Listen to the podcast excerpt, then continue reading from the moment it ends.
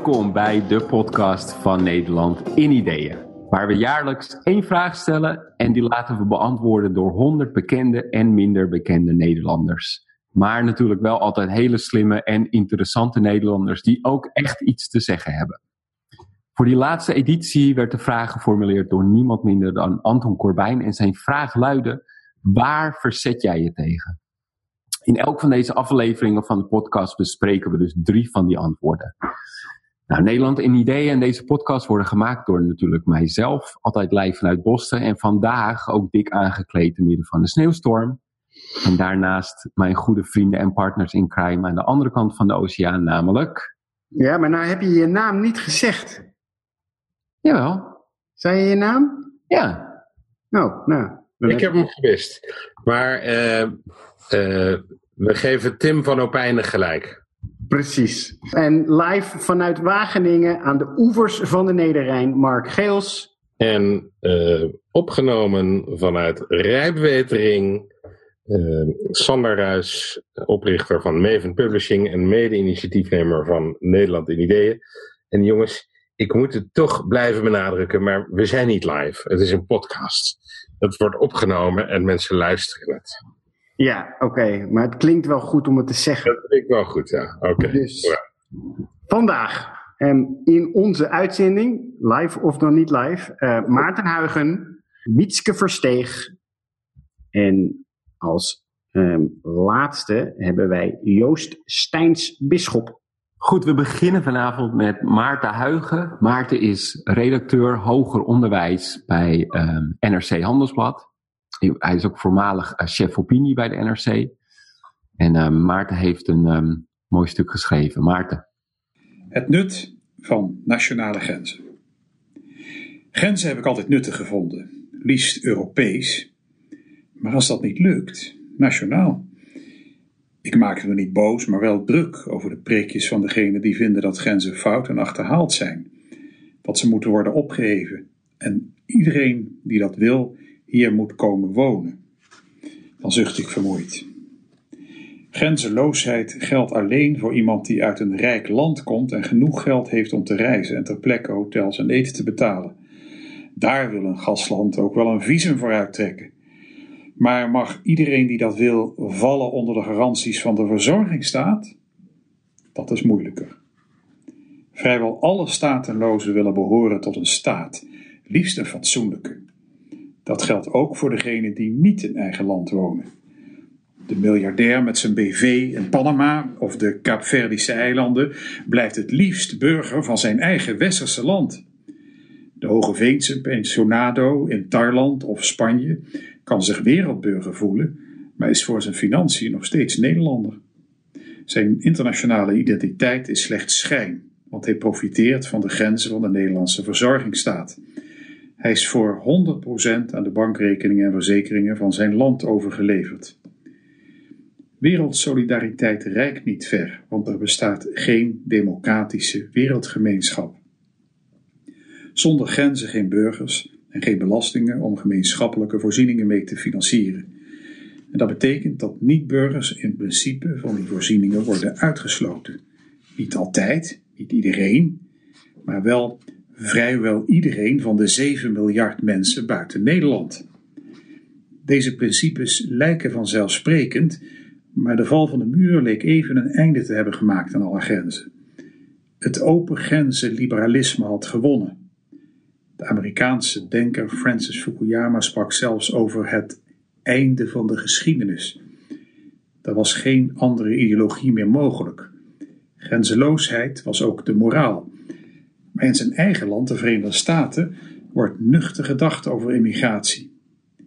Immigranten worden nog serieuzer genomen dan in Nederland.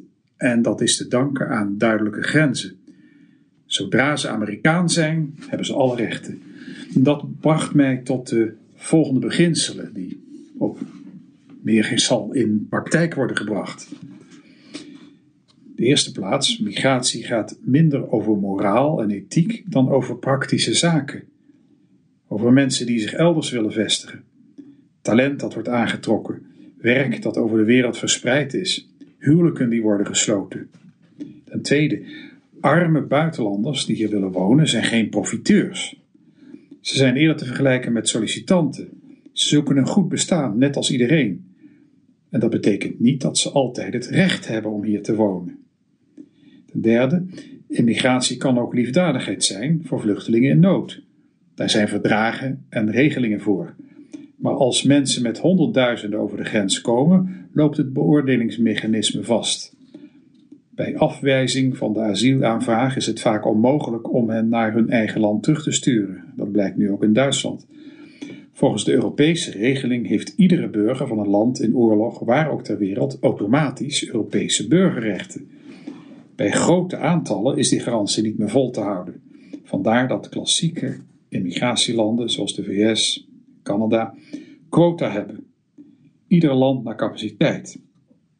Een vierde, cultuurverschil doet ertoe. De 1 miljoen Belgen die in 1914 naar Nederland vluchten, voelen zich weer beter thuis dan bijvoorbeeld nu de Eritreërs, die vaak geen westerse taal spreken. Een Nederlander kan gemakkelijker wonen en werken in Duitsland of België dan in Syrië of Saudi-Arabië. Het omgekeerde geldt ook. Een Syriër, zeker een laag opgeleide, zal zich meer thuis voelen in Jordanië dan in Nederland of Duitsland. Vandaar dat ook vluchtelingen meestal de voorkeur geven aan de regio, van waar ze naar hun eigen land kunnen terugkeren om het weer op te bouwen. Ten vijfde, eigen volk eerst. Met volk wordt niet een etnische groep bedoeld, maar de burgers die meebetalen aan hun eigen verzorgingsstaat. Nationaliteit is het grondprincipe, ongeacht etniciteit, ras of afkomst. De solidariteit wordt minder naarmate de afstand groter is. Er moet consensus zijn over de hoeveelheid mensen die landen willen toelaten. Samenleven zou onmogelijk worden als de eerste de beste inwoner van Lagos even belangrijk zou zijn als de buurman. Die buurman kan van Nigeriaanse, Syrische of van Friese afkomst zijn. Iedere genaturaliseerde Nederlander maakt gelijkelijk deel uit van de natie en van de Europese Unie. Migratie is niet te stoppen, maar wel te reguleren. Grenzen handhaven het sociale contract van de verzorgingsstaat, die wederkerigheid tussen de deelnemende burgers veronderstelt. En wie dat negeert, stimuleert verongelijkt rechtspopulisme. Oké jongens, ik denk dat het stuk van Maarten best ehm, gedurfd is. En, en ik ben eigenlijk wel een beetje verbaasd dat het ehm, nooit is opgepikt en hij ervoor uh, op het internet uh, misschien wel gefileerd is. Maar misschien is hij daar wel niet bekend genoeg voor. Want, want ik denk dat hij namelijk best, um, wat hij zegt, best gemakkelijk uit context uh, kan worden getrokken. Ja, absoluut. Maar, maar ik ben het wel um, in grote lijnen met hem eens. Ja, ik vond, uh, ik vond het een lastige en uh, in die zin uh, ook een heel goed stuk, omdat het me behoorlijk heen en weer sleurde. Mm -hmm. ik kreeg ook zin om in discussie te gaan met Maarten. Um, en met name, het riep bij mij één echt moeilijke vraag of dilemma op. Dat is aan de ene kant, ik volg de praktijk de praktische afwegingen waarmee je tot zo'n stelling komt. Um, maar toch vind ik dat moeilijk te rijmen met het idee dat het natuurlijk gewoon puur geluk is waar je wieg staat. Mm -hmm. uh, en uh, een van de uh, ideeën over hoe je een samenleving moet inrichten, die mij altijd heel erg aanspreekt, is van een filosoof Rawls. En dat wordt ook wel genoemd Rawls veel, de, de sluier van Rawls. En um, dit, dit idee is als volgt. Je kan een samenleving alleen goed inrichten als je eerst achter een sluier staat. Dan maak je hem en pas nadat je het hebt ingericht weet jij waar je in die samenleving terechtkomt. Dus of je uh, helemaal onderin de samenleving zit of een van de lucky few bent. En, en uh, zolang jij weet welke positie je in die samenleving bekleedt, kan je nooit een eerlijke samenleving inrichten. En hetzelfde zou, geldt natuurlijk ook een beetje als je naar het wereldtoneel kijkt. En is, en is, en is inrichten in jou, betekent dat gewoon beleid maken? Beleid is gewoon, is... Of is het Ja. meer een soort, eh, soort, soort theoretische eh, exercitie? Waar het over gaat. Nou, ehm, het is een theoretische exercitie, omdat je natuurlijk nooit, eh, eh, omdat iedereen weet waar die in de samenleving staat. Eh, maar het geeft wel een groot probleem aan. Dat is dat je natuurlijk altijd toch naar jezelf toe redeneert. En dat is wat ik heel erg lastig vind aan het stuk van Maarten. Dat ik, ik snap waarom je eh, bijvoorbeeld een stelling als eigen volk eerst in moet nemen. Eh, omdat eh, het praktisch anders het hele zootje in elkaar dondert. Mhm. Ehm, eh, maar hoe rijm je dat? Hoe kan je dat, kun je dat loskoppelen van de, de morele positie die je in moet nemen? Of moet je altijd tegelijkertijd benadrukken dat het armoede is dat het op deze manier moet, of niet? Of, dus da- daar worstel ik erg mee bij, bij zo'n stelling.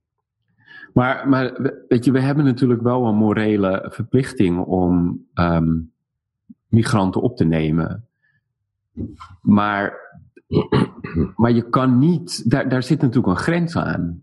Weet je, je net als dat jij, ehm, ehm, dat een bus zeg maar maar 50 mensen eh, eh, plek heeft, heeft een land natuurlijk ook eh, ruimte voor een bepaalde hoeveelheid mensen. En, en je kan niet als land zelf alle problemen eh, oplossen. En, en ongelimiteerd migranten opnemen, dat, dat, dat, is, dat kan voor verschillende redenen kan dat niet. Denk ik. Ja. Aan, de ene kant, aan de ene kant is dat, is dat economisch kan het niet. En aan de andere kant kan het, zoals Maarten denk ik ook zegt, kan het, past het cultureel natuurlijk ook niet altijd. Ehm, en en dat, zijn, dat zijn hele gevaarlijke dingen om die, om die zo te zeggen. Want, Mhm. want zoals ik al zei, kunnen die heel makkelijk uit de context worden getrokken. Maar, maar ik denk dat je daar wel eerlijk over moet zijn. Maar, maar zoals ik al zei, je hebt, we hebben een morele verplichting om daar iets aan te doen. Maar, maar de oplossing moet, li- ligt natuurlijk niet in Nederland of in Europa. De oplossing ligt eraan dat, je, dat er ook iets gedaan moet worden aan waar die migranten of waar mensen vandaan komen. En, en daar moet natuurlijk op de lange duur, op de lange termijn, een oplossing voor gevonden worden. Weet je? Ja. Dat, dat Nederland kan niet miljoenen migranten opnemen. Maar we moeten ervoor zorgen dat die migranten helemaal niet willen komen. Omdat, het gewoon, omdat, ze, een, omdat ze in een goede woonomgeving leven. Omdat hun land functioneel is. En, en dat is natuurlijk heel erg utopisch om, daar, om, om dat te zeggen. Maar dat moet, wel, dat moet natuurlijk het hogere doel zijn. Ja, daar, daar ben ik het helemaal mee eens. Alleen de. eh, kijk, eh, eh, Maarten heeft het over dat je het een soort sollicitante, dat je het als sollicitante ziet. Ik zie het eerder als een soort reddingsboot met, bij, bij een schipbreuk. Waarbij er een aantal mensen in de reddingsboot zitten. En een hele hoop mensen zwemmen. En ehm, je, er is de praktische probleem van het feit dat als je iedereen in die reddingsboot laat klimmen, dat iedereen ten onder gaat. Mhm. Eh, Dus ja, eh, dat, maar dat is een vreselijke situatie, want er is niet echt een goede eh, lijn te trekken. En ehm, eh, het is ook zo dat de mensen die in die reddingsboot zitten niet een bepaalde superieur recht hebben om daar te zitten. Mhm. En dat is eigenlijk waar ik mee, waar ik mee worstel in, in zo'n stellingname. Omdat eh, er is niet, de- de- we ontlenen er natuurlijk helemaal niks aan dat we per ongeluk op de goede plek zijn geboren. Nee. Ehm, eh, en ehm, ik heb dan altijd heel erg behoefte om dat te proberen los te koppelen. En heel erg het pure geluksfactor eh, te benadrukken. Boven het feit dat je bepaalde rechten zou hebben. Of zo. Hè?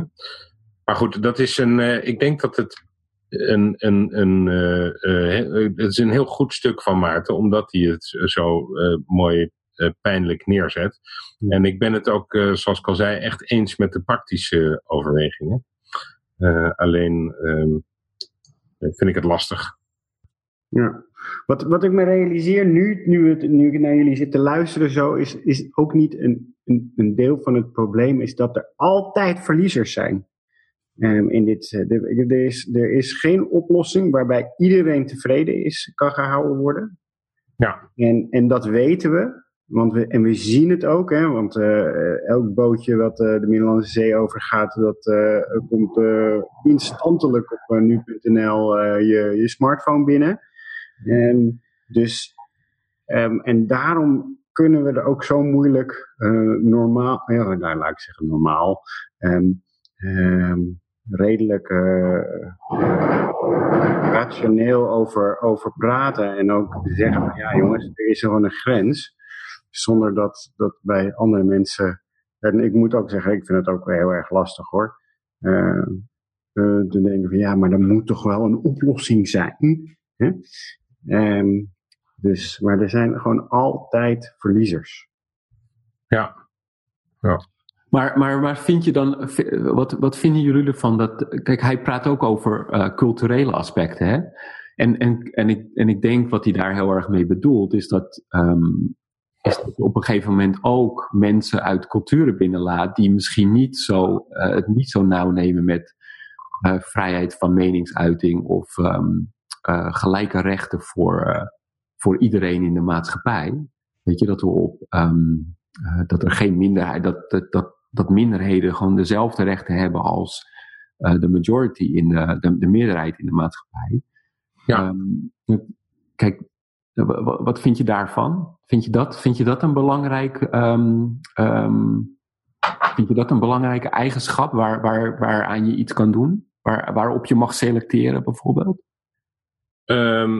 Nou, selecteren vind ik lastig. Kijk, uh, hij heeft daar absoluut een punt.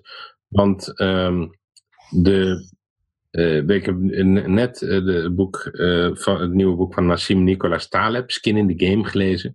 En die legt heel mooi uit de minority rule. Dat een intolerante minderheid het altijd wint van de tolerante meerderheid. Mm puur omdat ze, juist omdat ze intolerant zijn. Omdat het dan altijd minder kost voor de meerderheid om zich aan te passen. Mm -hmm. um, en um, uh, net zoals uh, een uh, gezin waarvan één iemand vegetarisch wordt, binnen een bepaalde eigenlijk helemaal vegetarisch wordt. Ja, ja, ja. ja, ja, ja. En, en, zoals, en een ander mooi voorbeeld is dat ik geloof dat bijna alle dranken in de Verenigde Staten op dit moment kosher zijn, zonder dat je het weet. Omdat het makkelijker is om alles kosher te maken dan om verschillende uh, logistieke stromen in stand te houden en alles gescheiden te houden. Mm -hmm. uh, dus daar heeft een groep die niet uh, mee wil doen, die forceert op een hele subtiele manier de meerderheid om dat wel te doen. De, dat heb je met cultuur des te meer. En je kan dus ook niet tolerant zijn tegen een cultuur die de vrijheid van meningsuiting niet tolereert. Hè? Want dan gaat die winnen. Dus dat zijn hele reële problemen. Mm -hmm. Aan de andere kant ben ik super sceptisch over iedereen die altijd zegt dat, dat de cultuur, um, uh, dat, dat, we, dat onze cultuur op de een of andere manier bedreigd wordt. Cultuur is volgens mij het meest dynamische, fluctuerende ding dat we hebben. Uh, er, er is niet één cultuur die uh, uh, er is niet één Nederlandse cultuur. De cultuur die we nu hebben is niet dezelfde als 100 jaar geleden. Ja. Uh, de cultuur is voor een groot deel bepaald door immigranten. We, er is niet iets wat we, wat we kunnen vastprikken. en daarom denk ik altijd, ja, het, het, het, is een invloed op onze cultuur. Maar die zijn er zoveel. En we weten niet of het een goede of een slechte is uiteindelijk. en um, de, dus dat, dat idee dat, dat dat we onze cultuur moeten beschermen, ben ik zeer ongevoelig voor. Ja, maar, maar ik, ik denk dat hij, dat hij in zijn stuk dat hij meer doelt op, op, op bepaalde rechten en dat die rechten uh, onbuigbaar moeten zijn. Dus ja. de rechten waar we net over hadden, um, bijvoorbeeld vrijheid van, van meningsuiting. Ja, daar ben ik, daar ben ik het helemaal mee. Rechten voor, voor iedereen. Ik bedoel, dat, dat soort dingen, weet je, de rechten van de mens, dat zijn dat zijn universele rechten. Die, die mogen nooit ter discussie staan. Ja. Daar ben, ben je helemaal eens. Mooi. Die, um, ik denk dat we door kunnen naar Wietske Versteeg. Um, die op een mooie manier dit gesprek weer verder gaat helpen. Uh, Wietske is uh, auteur. Uh, zij heeft onder andere quarantaine, Boy, De Wezenloze en Dit is geen dakloze geschreven. En zij verzet zich ehm, op een geheel andere manier tot een, tegen een soortgelijk uh, thema, zullen, zullen jullie zien. Wietske, het woord is aan jou. Mijn naam is Wietske Versteeg en waar ik mij tegen verzet is een andere wereld. De man beweegt zich langzaam door de trein. Zoals alle passagiers wend ik mijn hoofd af. Staar uit het raam zodra ik door heb wat hij wil. Ik denk dat ze dat niet kunnen voorkomen, zegt het oudere stel verderop, gezeten tussen hun reiskoffers. Er zijn toch drie controleurs in deze trein. Omdat ik een afkeer van hen voel, omdat er in de hele coupé niemand naar hem heeft opgekeken, loop ik de man door de trein achterna. Koop een van de kaarten die hij aanbiedt en hoor hoe hij zijn leven op de rails probeert te krijgen. Tegen het eind van ons gesprek veegt hij zijn ogen droog. Maar omgekeerd ben ik hem dankbaar dat ik iets mocht zien van de kwetsbaarheid die alle ogenschijnlijk geslaagde anderen in deze trein, inclusief ikzelf, zo zorgvuldig verbergen voor de buitenwereld. Elke schijnbaar lege bus kan gevuld zijn met tientallen onzichtbare wezens. Elfen, kabouters en andere leden van het onzichtbare volkje. Dat leerde ik van een kinderboek. Net zoals het feit dat je via een klerenkast terecht kunt komen in een andere wereld, met faunen en sprekende leeuwen, en dat er indianen kunnen huizen in een doodgewoon medicijnkastje. Weer een ander universum viel alleen te betreden door een boek eenmaal deel van dat oneindige verhaal, kon een dikker, verlegen jongetje een held worden, het land redden, simpelweg door de keizerin een nieuwe naam te geven. Het was een teleurstelling toen ik, te vroeg, van kinderboeken overschakelde op romans voor volwassenen. In die boeken werden er geen nieuwe werelden ontdekt. De personages hadden te druk met zichzelf en Fantasia was opgeslokt door het grijze niets van alledaagse beslommeringen. Alles wendt. Inmiddels schrijf ik zelf zulke boeken. Verhalen vol met personages die het moeilijk hebben met het leven. En net zoals de helden uit mijn oude kinderboeken, hebben mijn personages er moeite mee om contact met anderen te leggen en trekken ze zich daarom terug in een geheel eigen wereld. Over het algemeen zijn ze niet erg gelukkig. En dat is zacht uitgedrukt. Leesclubs reageren vaak opgelucht als ze merken dat ik in levende lijven niet zo somber overkom als mijn figuren. Waarom schrijf je zulke donkere boeken? vragen ze vaak. Waarom moet het zo zwart? Ik antwoord doorgaans dat er al zoveel plekken zijn waar wordt gedaan alsof iedereen gelukkig en succesvol is. Alsof er daarvoor een recept bestaat. Enkele simpele stappen om te volgen voor een geslaagd leven. Het is aantrekkelijk om weg te kijken. Te vertrouwen op de controleurs van onze hersenen, die ons beschermen tegen dat wat we niet willen zien, dat wat we vrezen. Alles wat onze werkelijkheid ingewikkeld maakt. We hebben de handen immers al vol aan onze alledaagse beslommeringen. Hoe ironisch. Dat juist romans, die uiteindelijk toch leugens zijn, plaats bieden aan een waarheid waarvoor in het dagelijks leven maar zelden ruimte wordt gemaakt. Hoe kwetsbaar we zijn. Hoe eenzaam achter het masker. Hoe treffend. Tekst is afkomstig van het Latijnse texere, weven. Elke tekst schept draden die ons met elkaar kunnen verbinden. Elk boek is een kwetsbaar weefsel. Onlangs woonde ik een lezing bij van de fotograaf Kazuma Obara. In een van zijn projecten portretteerde hij mensen die in de Tweede Wereldoorlog gewond waren geraakt. Hij fotografeerde niet zozeer de wonden zelf, als wel de manier waarop die wonden werden verborgen. Kinderen die op klassenfoto's hun missende been er met pen bijtekenden, veranderden in ouderen die steunen op een paraplu omdat ze in het openbaar geen wandelstok willen gebruiken. Ze kunnen niet naar buiten als het regent. Ik weet inmiddels dat er in de meeste medicijnkastjes geen minuscule indianen huizen en dat slechts weinig klerenkasten toegang bieden tot Narnia. En hoewel ik bij een half lege bus nog vaak terugdenk aan dat kinderboek, zoek ik in mijn eigen werk naar andere verborgen werelden. Naar de kwetsbaarheid die ik in het dagelijks leven niet zal tonen. De verwonding achter de glimlach van anderen. Naar het rotsachtige universum dat iedereen in zich verbergt.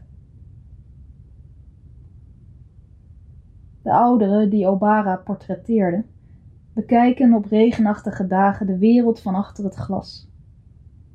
Buiten bewegen anderen zich vrijelijk, steken hun paraplu op zonder erbij na te denken, terwijl over het raam de druppels langzaam naar beneden rollen.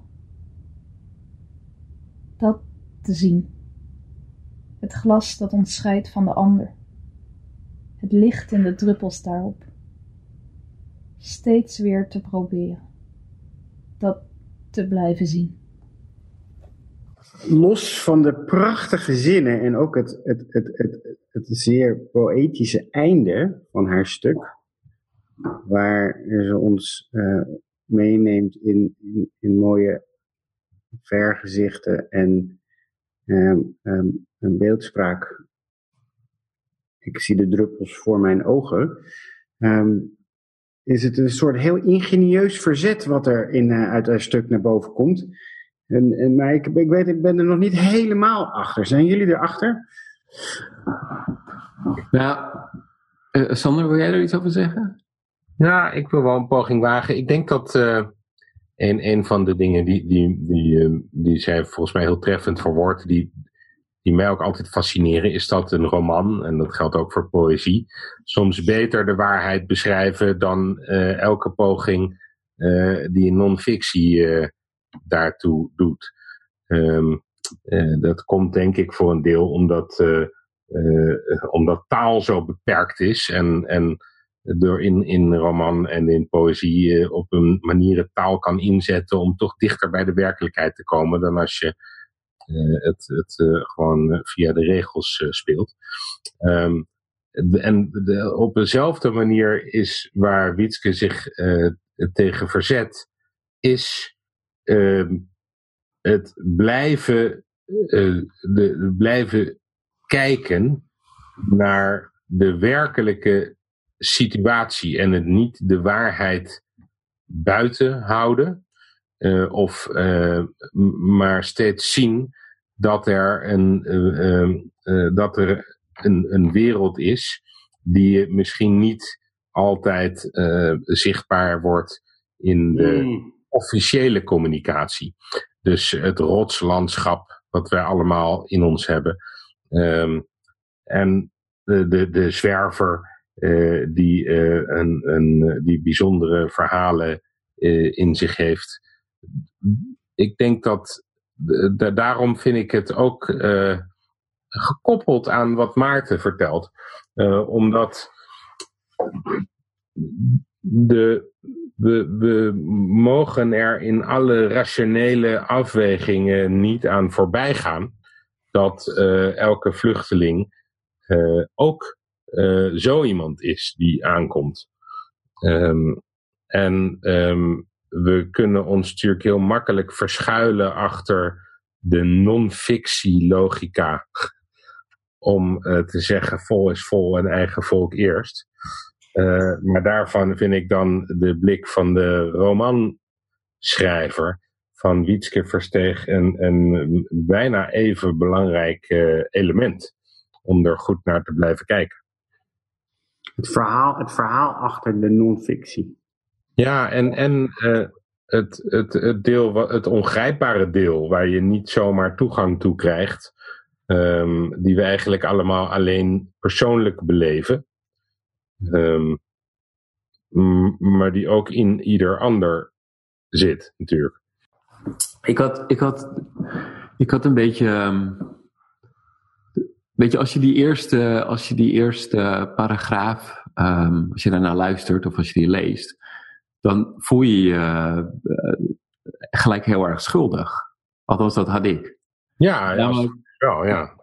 Toch? Want, want namelijk, ehm, het, ga- het gaat er ook een beetje over dat, je, dat we allemaal in onze eigen eh, bubbel zitten. En, dat, en ehm, dat het niet zo, dat het heel makkelijk is om je, om je in je eigen bubbel, zeg maar, vast te, om daar vast te houden.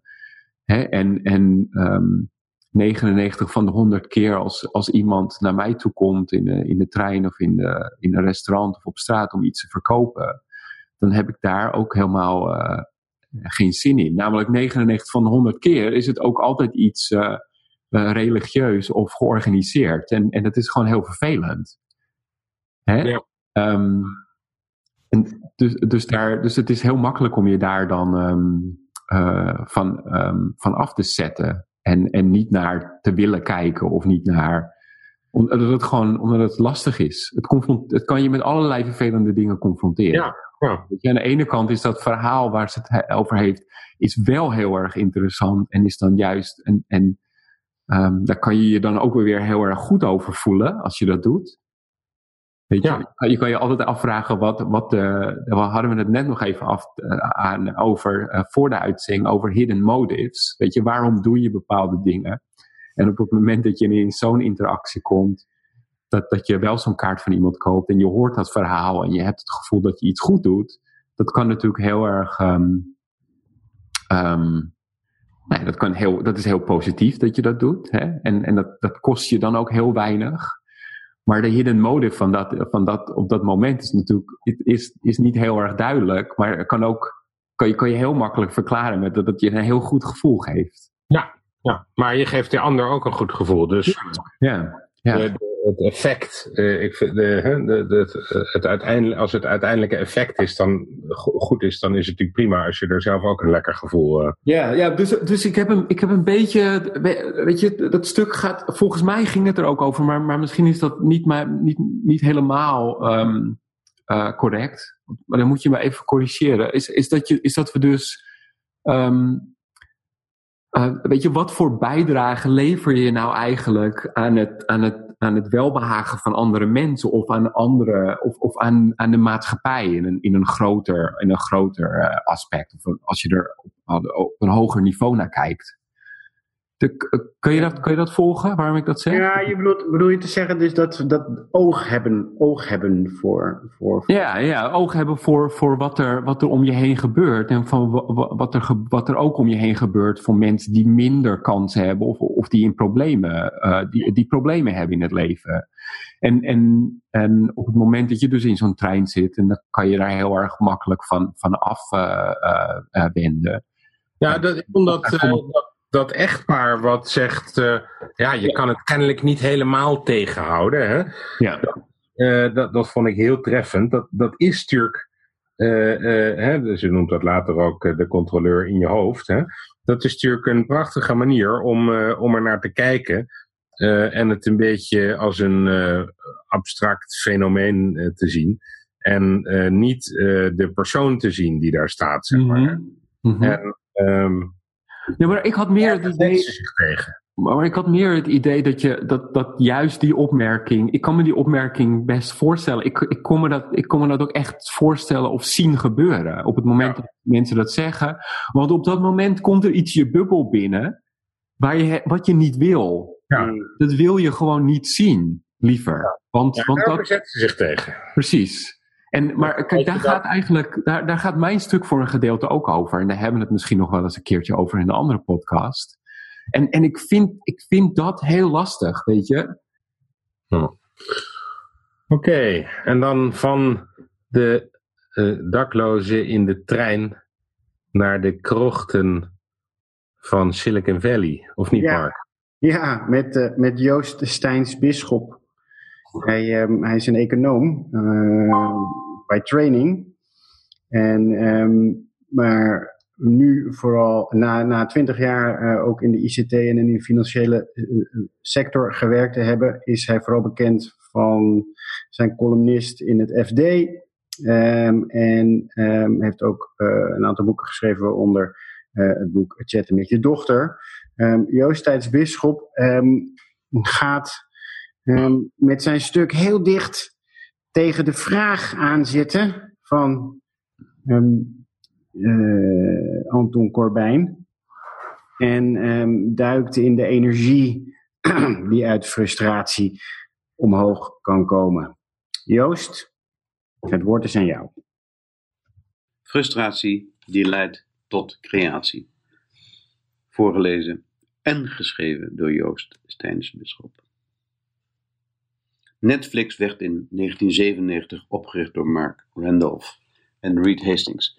Na zijn schoolcarrière kwam de laatste terecht bij het United States Marine Corps, nam deel aan een vredesmissie en gaf wiskundeles in Swaziland. Hij lifte dwars door Afrika met niet meer dan 10 dollar in zijn zak, zo gaat het gerucht. Het gerucht dat je vooral niet moet willen ontkrachten. Wat ik maar wil zeggen, hij is geen watje. Bij iemand met een dergelijke instelling moet je niet verbaasd opkijken dat hij ontvlamt als hem onrecht wordt aangedaan. Hetgeen geschiedde. Hij huurde de video Apollo 13, bracht per ongeluk een verkeerde band terug bij de videoverhuurder, kwam daar pas later achter. Herstelde de vergissing, de vergissing en retourneerde de goede videoband. Hij kreeg een boete van 40 dollar. Ook al was dit pas de eerste keer dat hij te laat was. Ja, meneer, regels zijn regels. Kijk, dan heb je iemand op de kast. Hij ging zoals altijd ook die dag naar de sportschool en bedacht het model waarbij je maandelijks een lage fee betaalt, hoogstens een paar tientjes, waarvoor je onbeperkt films per post kunt bestellen. Opsturen, retour-envelop erbij, dat was het idee. Netflix veranderde in de loop der jaren in een model waarbij films online werden aangeboden, tegen een betaling van 10 dollar per maand waarvoor je ook nog je buurman kunt laten meekijken. In april 2016 heeft Netflix wereldwijd meer dan 81 abonnees. En ik heb het net even opgezocht. Uh, in het derde kwartaal van 2016 waren dit er inmiddels 88 miljoen. Videotheken zijn verdwenen. 40 dollar boete was de aanleiding. Travis Kalanick, we kennen hem als de oprichter van Uber, vertelt in San Francisco hoe het allemaal begon. Zijn droom was om het mogelijk te maken op een knop te drukken. Het is 2010, de smartphones zijn er. En op, op die manier een limo te laten voorrijden. De overweging was aanvankelijk om een eigen limo-vloot te bouwen. Twee dingen moesten dus worden gedaan.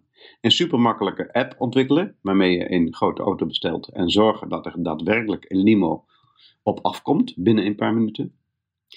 Al snel werd duidelijk dat je de software moest maken, maar niet de eigenaar van de vloot hoefde te zijn. Er waren genoeg limo-verhuurders in San Francisco. Glenna googelde San Francisco Limousine Rental en ging het lijstje aanbieders bellen. Of ze mee wilden doen met een baanbrekend idee dat hun omzet zou brengen. Een derde van hen hing binnen een paar seconden op. Nog eens een derde gaf na een paar minuten aan niet geïnteresseerd te zijn en hing vervolgens op. Slechts een handjevol limo-verhuurders was uiteindelijk niet afwijzend. Kalenek verbaasde zich erover dat men niet eens wilde luisteren. Frustratie die leidde tot creatie. De eerste iPhone-app werd gelanceerd in 2010, in juni 2010. Overal in de wereld wordt Uber inmiddels gebruikt en verfoeid. Het begon dus allemaal met een belrondje van Kalenek in 2010 langs een aantal limo-verhuurders in San Francisco. Netflix-oprichter Hastings had een boete van 40 dollar nodig om de video-industrie te veranderen. Uber-oprichter Kalenek had in Zwik ongeïnteresseerde limo-verhuurders nodig om de taxiwereld te veranderen. Hastings en Kalenek. Frustratie als inspiratie voor creatie. Gramschap een mooi woord voor boosheid, als energiebron. Gramschap om de onredelijkheid van het argument. Gramschap om de weigering te luisteren. Gramschap om de starheid van de arrogantie. Gramschap om het onbuigzame gedrag, onbuigzaam als ongekookte spaghetti. Gramschap om de gespeelde doofheid, gramschap om de valse status van de macht van de gewoonte. Let wel, het is een rijke energiebron, gramschap. Rijk omdat het steeds minder vanzelfsprekend is dat inzichtbare schoffering onbeantwoord blijft. De geschoffeerde heeft wapens tot zijn beschikking, die hem buitengewoon slagvaardig kunnen maken. Het is het internet, dat ongelooflijk fijnmazige netwerk, dat een razendsnelle openbaarder is van meningen, behoeften, ervaringen, deelgenoten, collectieve boosheid en, als het nodig is, ook van fondsen. Het is datzelfde netwerk dat geen enkele wetenschap heeft van bestaande structuren en ook geen hiërarchische lijnen kent. Dat is het mooie. Dat boosheid niet een machteloze emotie meer is, maar een krachtige bron van verzet. Dat je niet meer gehoorzaam hoeft te zijn aan ongerechtigheid. Dat boosheid die in je zit een uitweg heeft. Het is niet meer de halve wereld die aan de ondernemende brutale is. Het is de hele wereld. Ik vind het een knap verhaal. Uh, even een snelle vraag, mannen, voordat we de inhoud induiken. Maar ik, vond, ik moest ontzettend lachen om de, de laatste zin van Joost. Ik vind het een knap verhaal. Uh, hoe hoorden jullie dat? Was dat uh, had hij het over zijn eigen verhaal of over de opkomst van het internet? Want ik geef hem in beide gevallen gelijk, uiteraard. um, Nou, een beetje, kijk, ik vind dat, dat frustratie, creatie, tuurlijk, dat, dat is een hartstikke goed verhaal, knap verhaal, leuk bedacht. Um, ik denk dat er verschillende vormen van creatie zijn hoor, jongens. Frustratie is er daar misschien één van. En die, en die, en die voorbeelden die hij geeft, die uh, kende ik uh, niet. Ik wist niet dat, dat, uh, dat Uber en um, Netflix zo waren begonnen. En ik geloof eigenlijk dat Airbnb een soortzelfde um, oorsprong heeft. Maar het, het, ik heb er even over nagedacht. En het interessante van deze voorbeelden is en dat ze hartstikke leuk zijn. En dat ze ons leven gemakkelijker hebben gemaakt. En nog steeds maken. Maar als je kijkt naar echt revolutionaire ideeën. Van uh, wetenschappers zoals, dan noem ik er maar een paar. Darwin met evolutietheorie. Einstein, relativiteitstheorie. En natuurlijk onze recent ontvallen Stephen Hawking met zijn werk aan quantum physics en zwarte gaten dan komt dat niet voort aan frustratie, creatie, maar dat komt allemaal voort uit ongelooflijke passie en nieuwsgierigheid naar uh, science en de wetenschap en hoe en waarom de dingen zijn die ze zijn. Uh, niet dat ik ja, weet. Maar wacht even, wacht even. Want uh, zou je dat niet ook op een manier kunnen vertellen dat Darwin gefrustreerd was met de heersende uitleg? Ah, nou, ja, oké, okay, misschien, maar ik denk niet dat dat zijn onderliggende motivatie is geweest, weet je. Dat hij, dat hij de hele wereld is rondgereisd op de Beagle en naar al die, um, uh, en al die soorten over de hele wereld heeft gezien, daar tekeningen van heeft gemaakt. Al de experimenten die hij met, um, um, met zijn insecten uh, deed in zijn eigen tuin en, uh, en, en alle boeken of alle stukken die hij heeft geschreven over over alle verschillende soorten duiven die er zijn bijvoorbeeld. Weet je, dat, soort, dat, dat deed hij uit, uit passie, omdat hij de natuur, um, omdat hij daar een beetje totaal verknocht aan was. Uh, als er denk ik één frustratie was, dan was het wel, um, weet je, de ziekte van, uh, van een van zijn, uh, van zijn dochters die heel vroegtijdig is overleden. En dan had hij daar specifiek aan gaan werken. Ja. Nou, ik denk, ik ga wel heel in met je mee hoor. Dat het, het is zeker niet de enige drijfveer. En, en waarschijnlijk uh, uh, kan je voor heel veel mensen uh, positievere, of ja, positiever, maar drijfveren zoals nieuwsgierigheid inderdaad ja. dominanter zijn dan frustratie. Of, of een probleem oplossen. Als je, als je het echt allemaal plat wil slaan, of onder, ik wil, het, wil, wil niet iedereen gewoon een probleem oplossen. Iets snappen of een probleem oplossen. Ja, maar het is natuurlijk waar dat, weet je, waar komt dat, uh, waar komt de, de, de, motivatie van dat probleem oplossen vandaan? Ja. Um, uh, en, en ik denk dat, dat, dat daar, daar zit een onder, uh, een, een, een, een, motivatie achter, weet je? Mm -hmm. En, en ik bagatelliseer het natuurlijk enorm, weet je? Creatie, frustratie, is, ik, ik, er zijn vast voorbeelden te noemen dat het niet alleen maar uh, leuke eh, eerste wereldproblematiek is als eh, Uber, Netflix en eh, Airbnb. Nee.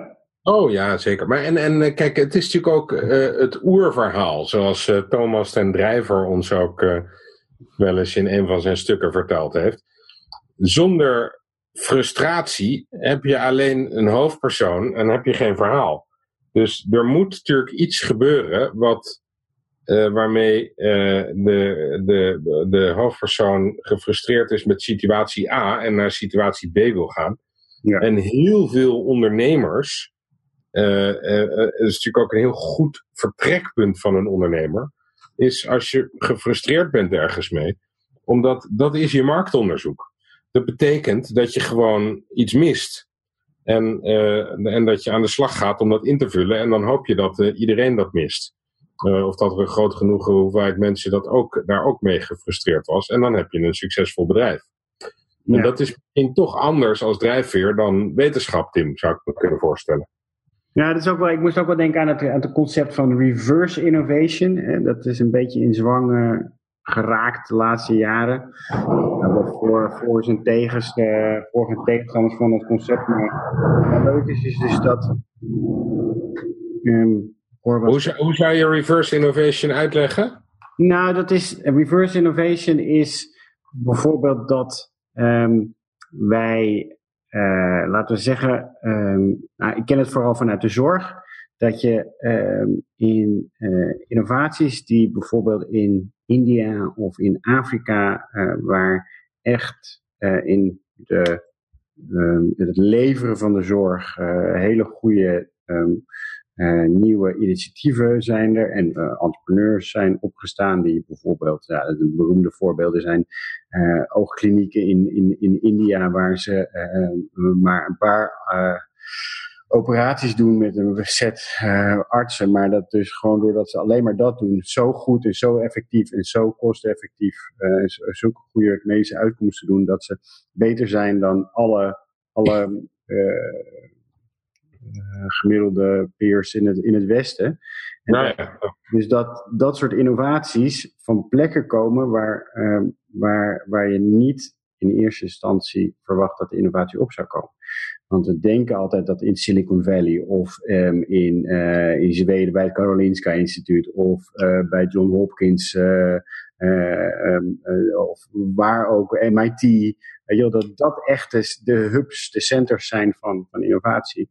Maar veel wat we nu zien is dat in omkomende economieën, ehm, eh, of niet, hoeft niet eens opkomende te zijn, en daar eh, een veel grotere voedingsgrond is, voedingsbodem is, om een probleem op te lossen. En wat, ehm, wat hier in de, ja, laten we zeggen in first world countries, ehm, door de status quo of door eh, bepaalde incentives die niet, eh, vergoedingsincentives die niet goed zijn, die innovatie niet plaatsvindt of lang, veel langzamer plaatsvindt. Misschien Ja. kunnen we onze borst nat maken voor een stroom innovaties de andere kant uit. Ja, precies. Laat maar komen. En eh, het is ook wel grappig, eh, we weten bijvoorbeeld, eh, de, de, de makkelijkste plek ter wereld om een, om een business te starten is Rwanda. Nou ja. Ja, daar kan je gewoon, daar, daar, daar, daar is het gewoon binnen, binnen een halve dag kan je daar je business starten. Terwijl er, dus er zo, het zijn van die lijstjes en zo, wat je allemaal moet doen voordat je dus een btw-nummer hebt of whatever. Dat, Maar het is niet omdat er gewoon een niet functionerende overheid is en je gewoon iedereen eh, en het. eh, nee, nee, het is niet helemaal op de, ba- de Bananenrepubliek. ja, Oké. Nou, morgen stroopwafelwinkel beginnen. ja, Ja, omdat je gefrustreerd bent met Tim. Met eh, dat, dat eh, mensen geen koekje op hun thee kunnen leggen. Ah, Dat missen ze. Ze missen een koekje op de thee. Ja, dat denk ik ook. Oh, slecht voorbeeld. Nou, mannen, ja. is het Ehm, weer op?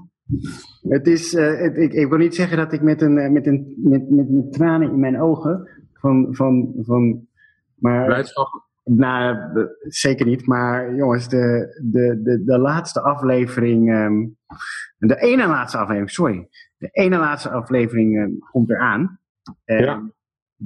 In die aflevering zullen wij hebben Martijn Manders, Steven Schuit, gaat vast wel over recht, en ehm, mevrouw Sijpenstein. En nou ben ik haar voornaam kwijt. Petra.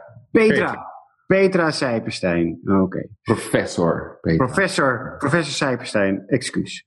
Volgende keer bij ons in de podcast. Ehm, dank jullie wel. Dank allemaal en tot snel.